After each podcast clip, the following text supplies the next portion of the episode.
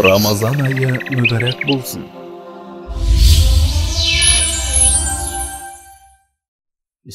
рахмани рахим алхамдулиллахи роббил аламин уассалату уассаламу аля расулина мұхаммад уаля алихи уа сахби ажмаин ассаламу алейкум ардақты көрермендер және тыңдармандар. Алла тағала ұстаған оразаларыңызды қылған дұға тілектеріңізді оқыған намаздарыңызды қабыл етсін.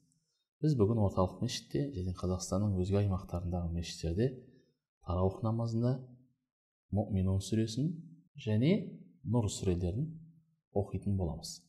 Мұминун сүресінің мазмұнына қысқаша тоқталып өтетін болсақ сүре өзінің атауын қад әфләхәл мұминун мұминдер шын мәнінде құтылды деп басталатын ең алғашқы аятындағы мұминун яғни мүміндер аллаға иман келтірген құлдар деген сөзден алған.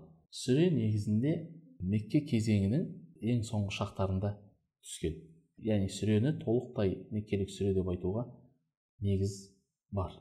Сүренің негізі бір кіріспесі және үш тарау ретінде қарастыруға болады. Сүреде ең әуеліге қозғалатын мәселе ол мәңгі бақилық.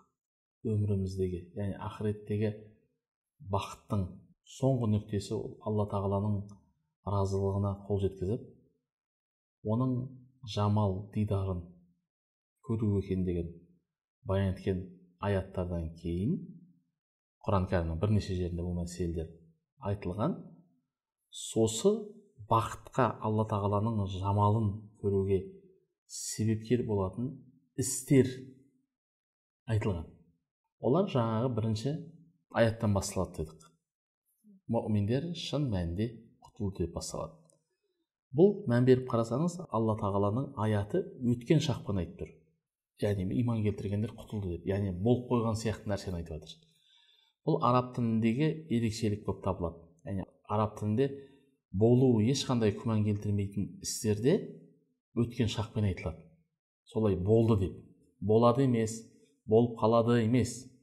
Солай болды деп баяндау тәсілі бар. Яғни қад мұминун мұминдер құтылады емес мұминдер құтылды. Яғни болып қойғандай деді алла тағала. Осы алла тағаланың азабынан құтылып жәннатына кіріп жамалын көру нәсіп болған мұминдердің қандай сипаттары бар екендігін алла тағала осы кіріспеде айтады. Олардың ең бірінші ерекшелігі олар намазды хушукпен оқитындар. Намазды хушукпен оқу дегеніміз не жалпы хушо дегеніміз не хушо намазда тұрған кезде алла тағаланың ұлылығын сезіну алла тағаланың ұлық екендігін түйсіну ұлы жаратушысы раббысының алдында тұрғандығы соны жүрекпен ұғыну деп айтқан ғалымдарымыз бар хушуқтың анықтамасы шамамен осылай намазда тұрғанда алланың ұлылығын сезіну ол не деген сөз намазда тұрған кезде сіз дүниелік нәрсеге мән бермейсіз деген сөз хушу деген нәрсе не сіз алдыңызда тұрған адамның қандай адам екендігі не киім келгендігі сіз оған мән бермейсіз. Себебі біздің ескі сәләф ғалымдарымыздан риуаят етілген мынандай әңгімелер бар. Кейбір ғалымдарымыз айтады біз мен жиырма жыл болды дейді намаз оқып келе жатқандығыма жанында тұрған екі адамның кім екендігін білген емеспін дейді жанында тұрған екі адамның кім екендігін білген емеспін дейді. Өкінішке орай біздікі секілді емес. Біз бәрін түгендеп тұрамыз. Имам бүгін қысқа оқыды ұзын оқыды немесе алдымыздағы намаз оқып тұрған кісі не киіп келді қысқа ұзын жанымыздағы адамның киіміне қарап барлығын түгендеп тұрамыз. Бұл негізінде үлкен кемшілік болып табылады. Бұл алла тағаланың азабынан құтылып жәннатқа кіретін мұсылмандардың сипаты емес. Себебі алла тағала не деп жатыр олардың ең алғашқы сипатын айтып жатыр. Намазда тұрғанда алланың ұлылығын сезінгендер деп айтып жатыр. Екінші сипат ол лаққан бос сөз іс әрекеттерден аулақ болғандар. Яғни мүминдер жәннатқа кіргісі келген мүминдер өзіне қатысы жоқ сөз бен іс әрекеттерден аулақ болуы керек. Себебі өзіңізге қатысы жоқ іспен айналысу сіздің дүниеңізге яки ақыретіңізге ешқандай пайда әкелмейді. Жай ғана мысал ретінде айтайын. Сіз біреуді өсектесеңіз сізге бір пайда түсе ме? Жоқ. Сіз біреуді жамандасаңыз мәртебесін түсірсеңіз біреуді қызғаншақтықпен көре алмай соны әңгіме қылсаңыз одан оның дәрежесі өсіп немесе төмендеп кете ме? Ол алла тағаланың егер сүйген құлы болса сүйген құлы қалпында қала береді. Сіз өз кінәңізді өзіңіз арқалайсыз. Одан кейін алла тағала олардың келесі бір сипаты зекет беретіндіктерін айтады зекет берушілердің қатарында екендігін айтады бұның өте маңызды тұс бұл себебі мұсылман кісі намаз оқумен бірге қатар садақа зекет бере алатын адам болуы керек яғни намазсыз тек өзіңізге пайдасы тиетін нәрсе ғой дүниеде де ақыретте де ал зекет өзгелерге пайдасы тиетін нәрсе яғни сізді эгоизмнан менменшілдіктен жалғыз өзіңіздің қамын күйттей беруден сізді сақтайтын амал. Сол үшін алла тағала зекетті парыз еткен. Себебі алла тағала көргісі келеді сені. Қалтасынан бір нәрсе шығарып бере ала ма менің разылығым үшін? Деген секілді. Себебі алла тағаланың тағы бір жақсы көретін ісі ол алла өзі жаратқан мақұлыққа қызмет еткен адамды қатты жақсы көреді. Жай мысал ретінде айтайын. Сіз өз балаңызды сіздің балаңыз болса мәселен балаңызға біреу конфет берсе балаңызға біреу қарайласса балаңызды біреу мақтаса сіз соны жақсы көресіз ғой. Бұл жай адами мысалды айтып отырмын мен. Сол секілді алла тағала да өзінің жаратылысына қызмет еткендерді өте қатты жақсы көреді екен. Бұдан кейін алла тағала олардың келесі сипатын айтқан. Олар өзінің ұятты жерлеріне берік болғандар ұятты жерлерін сақтағандар.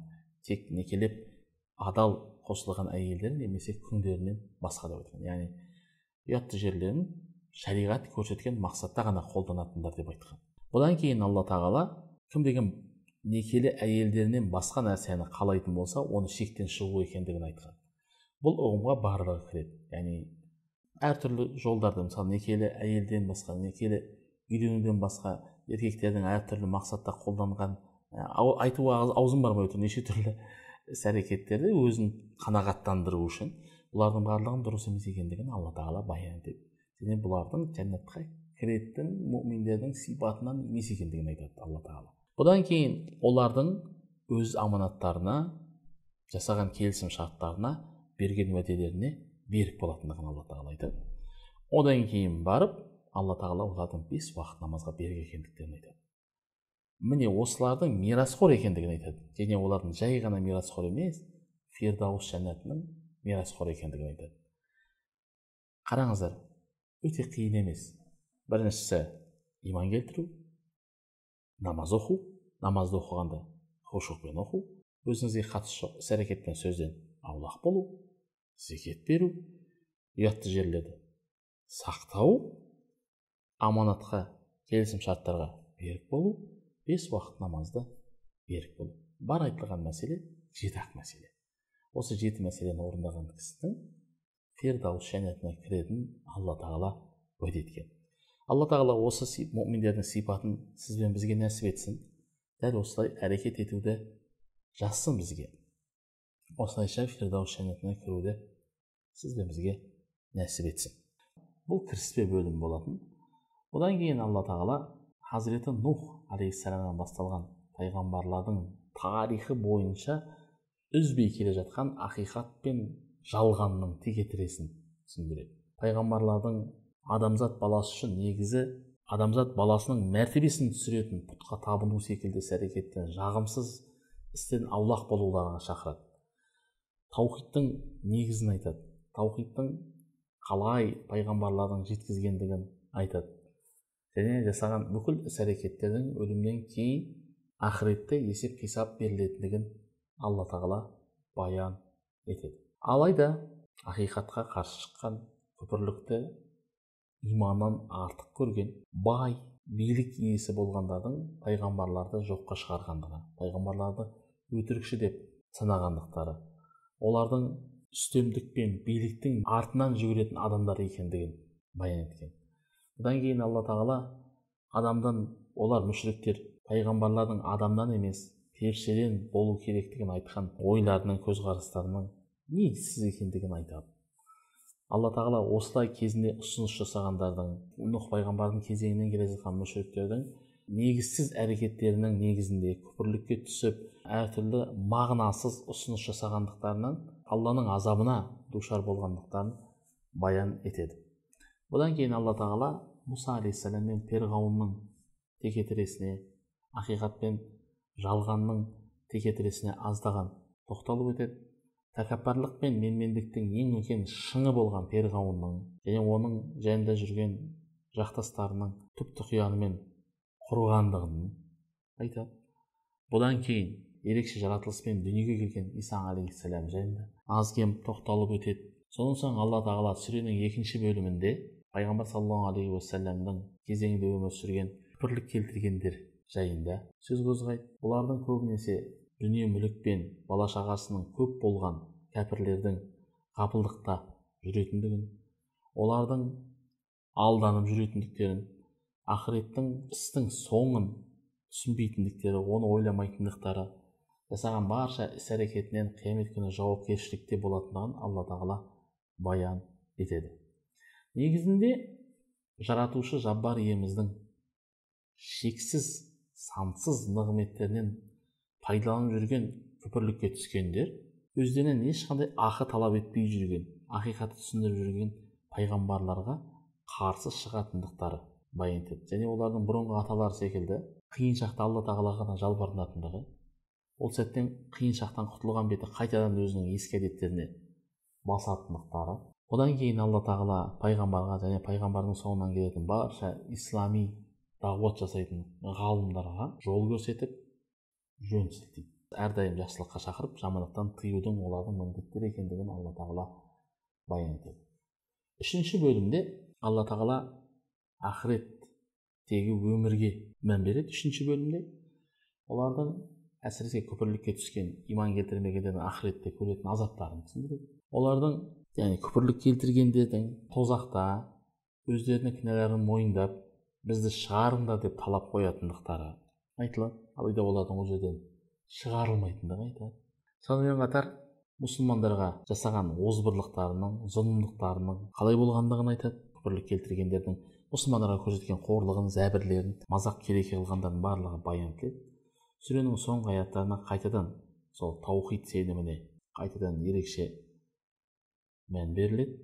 Соңғы аят пайғамбар саллаллаху алейхи уассаламға мынандай өсиетпен бітеді. Былай деп дұға ет деген өсиетпен бітеді. Раббым мені ғафу ет мейірімге бөле себебі сен мейірімділік көрсеткендердің ішіндегі ең қайырлысы сенсің деп тамамдалады осымен мүминун сүресі тамамдалады негізінде пайғамбарымыз саллаллаху алейхи уассалам мынандай бір риуаят бар сахаба омар радиаллаху анхудан маған он аят түсті олардың негізінде әрекет еткен адам міндетті түрде жәннатқа кіреді деген және осыдан кейін мүминун сүресінің алғашқы он аятын оқыған. Бағана біз дәрісіміздің басында айтып өткен мүминдердің жеті сипаты болатындығын сол жеті сипаттың он аятта келтірілген сол жеті сипат. Бұл осымен мүминун сүресі тамамдалды осымен мүминун сүресі аяқталды.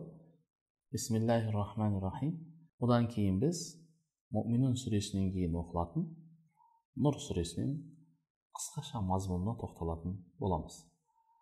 Нұр сүресі мәдина кезеңінде түскен әсіресе бану мұсталақ ғазуасынан кейін түскен яғни хижреттің бесінші жылында түскен деген риуаяттар бар сүре өзінің атауын нұр аяты деп танылған нұр сүресінің 35 аятынан алған сүре 64 аяттан тұрады нұр сүресінде жеке адам отбасы қоғамдық өмірде қолданылатын әдеп шариғи қағидаттар қозғалған.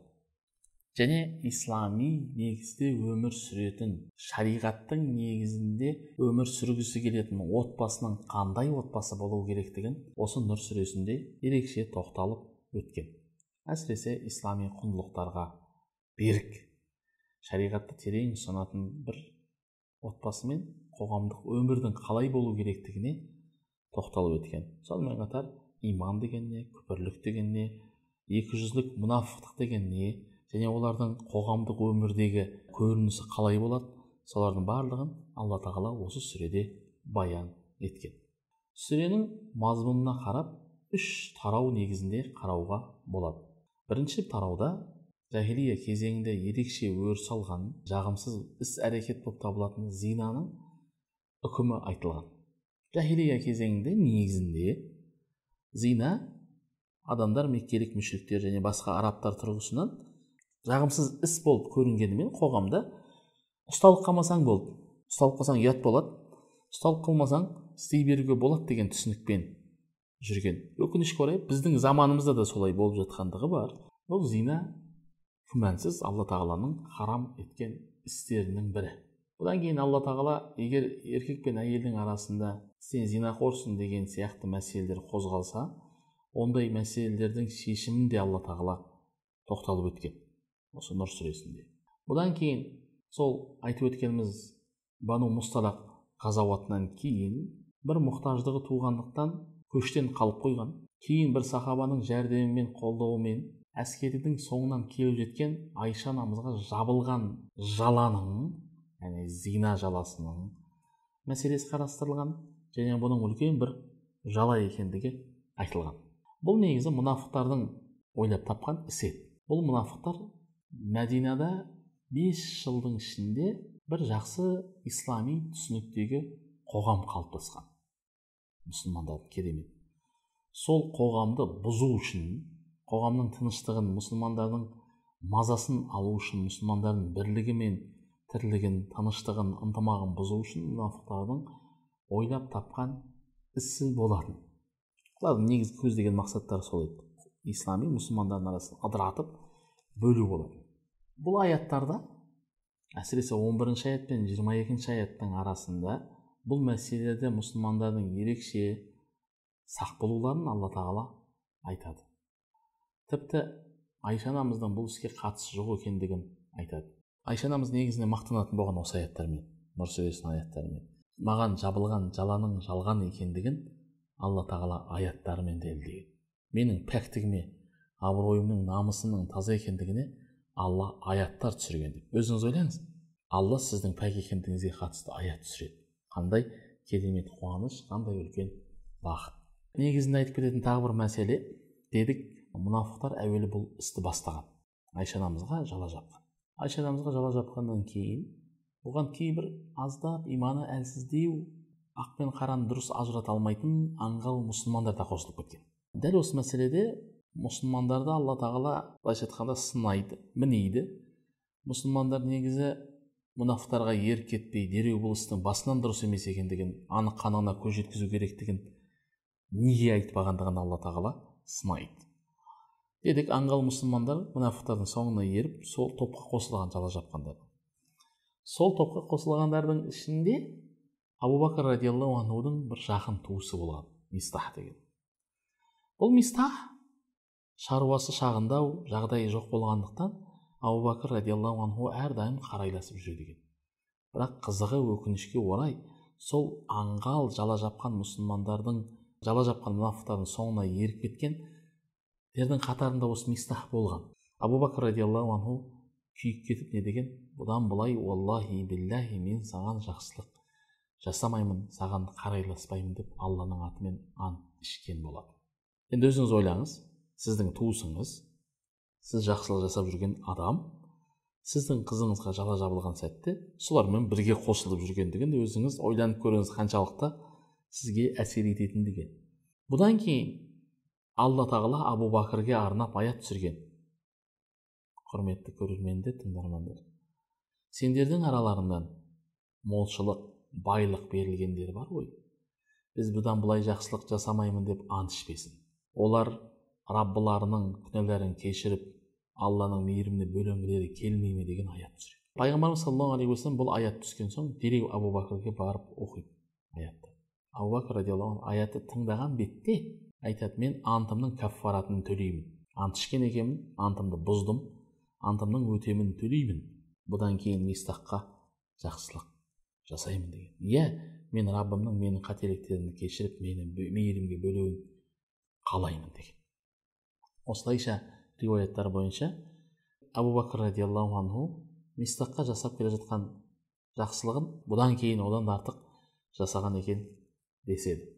Бұдан кейін алла тағала абыройын намысын қорғап жүрген әйелдерге зина жаласын жапқандардың дүниеде және ақыретте алланың лағынетіне ұшырайтындығын баян еткен. Одан кейін алла тағала біреудің үйіне кіріп шыққан кезде қалай кіріп шығу керектігін одан кейін алла тағала рұқсат сұрау керектігін үйге кірген кезде бір біріне махрам болмаған неке түсетін еркек пен әйелдердің арасында бір біріне деген міндеттерін бір біріне деген шариғи әдеп тұрғысынан жасайтын іс әрекеттерінің баян еткен яғни былайша айтқанда мұсылман еркекпен бір біріне неке түсетін мұсылман еркек пен әйелдің немесе әйел мен еркектің арасындағы қарым қатынас болу керек қазақша. Былай қазақша айтқанда қарым қатынастың қағидаттарын алла тағала баян еткен. Яғни мәселен әйелге қарауға болмайтындығы немесе ерке, әйелдің де еркекке назар салуға болмайтындығы еркек адамдардың көзін төмен салып жүру керектігі еркек адамдардың ұятты жерлеріне ие болу керектігі әйел адамдардың дәл сондай еркектерге де назар салмауы сондай ақ көздерін төмен түсіріп жүретіндігі тағы да басқа еркек пен әйелдің арасындағы әсіресе неке түсетін бір біріне үйленбеген бөтен еркек пен әйелдің арасындағы қарым қатынас тәртіп мәселелері қарастырылған. Бұдан кейін екінші бөлімде иман мен күпір екіжүзділік мәселелері қарастырады. Алла тағаланың нұрынан махрұм болмағандардың ерекше нығметке бөленетіндіктерін алла тағала баян етеді.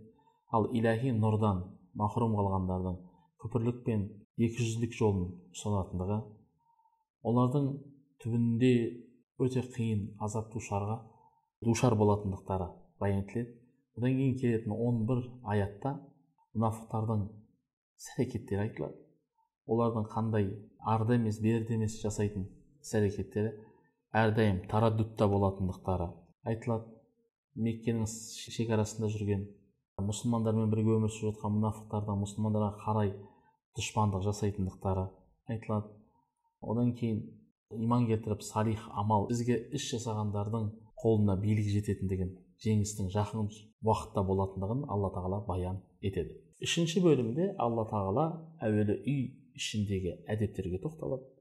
Жасы ұлғайған әйелдерге қатысты кейбір үкімдерді түсіндіріп өтеді мұсылмандардың пайғамбарға деген пайғамбарға деген тәртіп қарым қатынастарының негіздерін айтып өтеді сүренің соңғы үш аятында ибн жарир ат табаридің риуаятына сүйенсек мұнафықтардың ішінде және мұнафықтардың маңайында жүргендер дұрыс әрекетте дұрыс қарым қатынас жасамайтын пайғамбар саллаллаху алейхи уассаламға сондықтан пайғамбар саллаллаху алейхи уассаламға деген қарым қатынас осы сүреде осы жағдайлардан кейін толық айтылып өткен.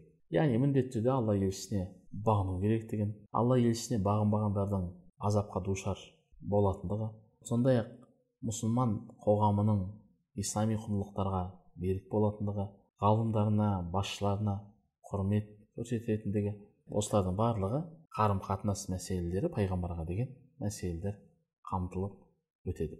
Хазіреті омар радиаллаху анхудан мынандай бір риуаят бар ниса ахзаб нұр сүрелерін мұсылмандарға үйретіңдер деген арнайы сөзі бар арнайы бұйырғандығы да риуаят етіледі яғни ниса сүресі ахзаб сүресі нұр сүресі бұлар мұсылмандардың өз жанұясы ішінде қоғамдық негізде қалай өмір сүру керектігін үйрететін қағидаттардың барлығын қамтығандықтан омар радиаллаху анху осылай деп бұйырған екен қайталап айтамын олар ниса сүресі ахзаб сүресі және нұр сүресі алла тағала қылған құлшылықтарыңызды жасаған дұға тілектеріңізді қабыл етсін jurtimiz tinch bo'lsin. Valhamdulillahi robbil alamin.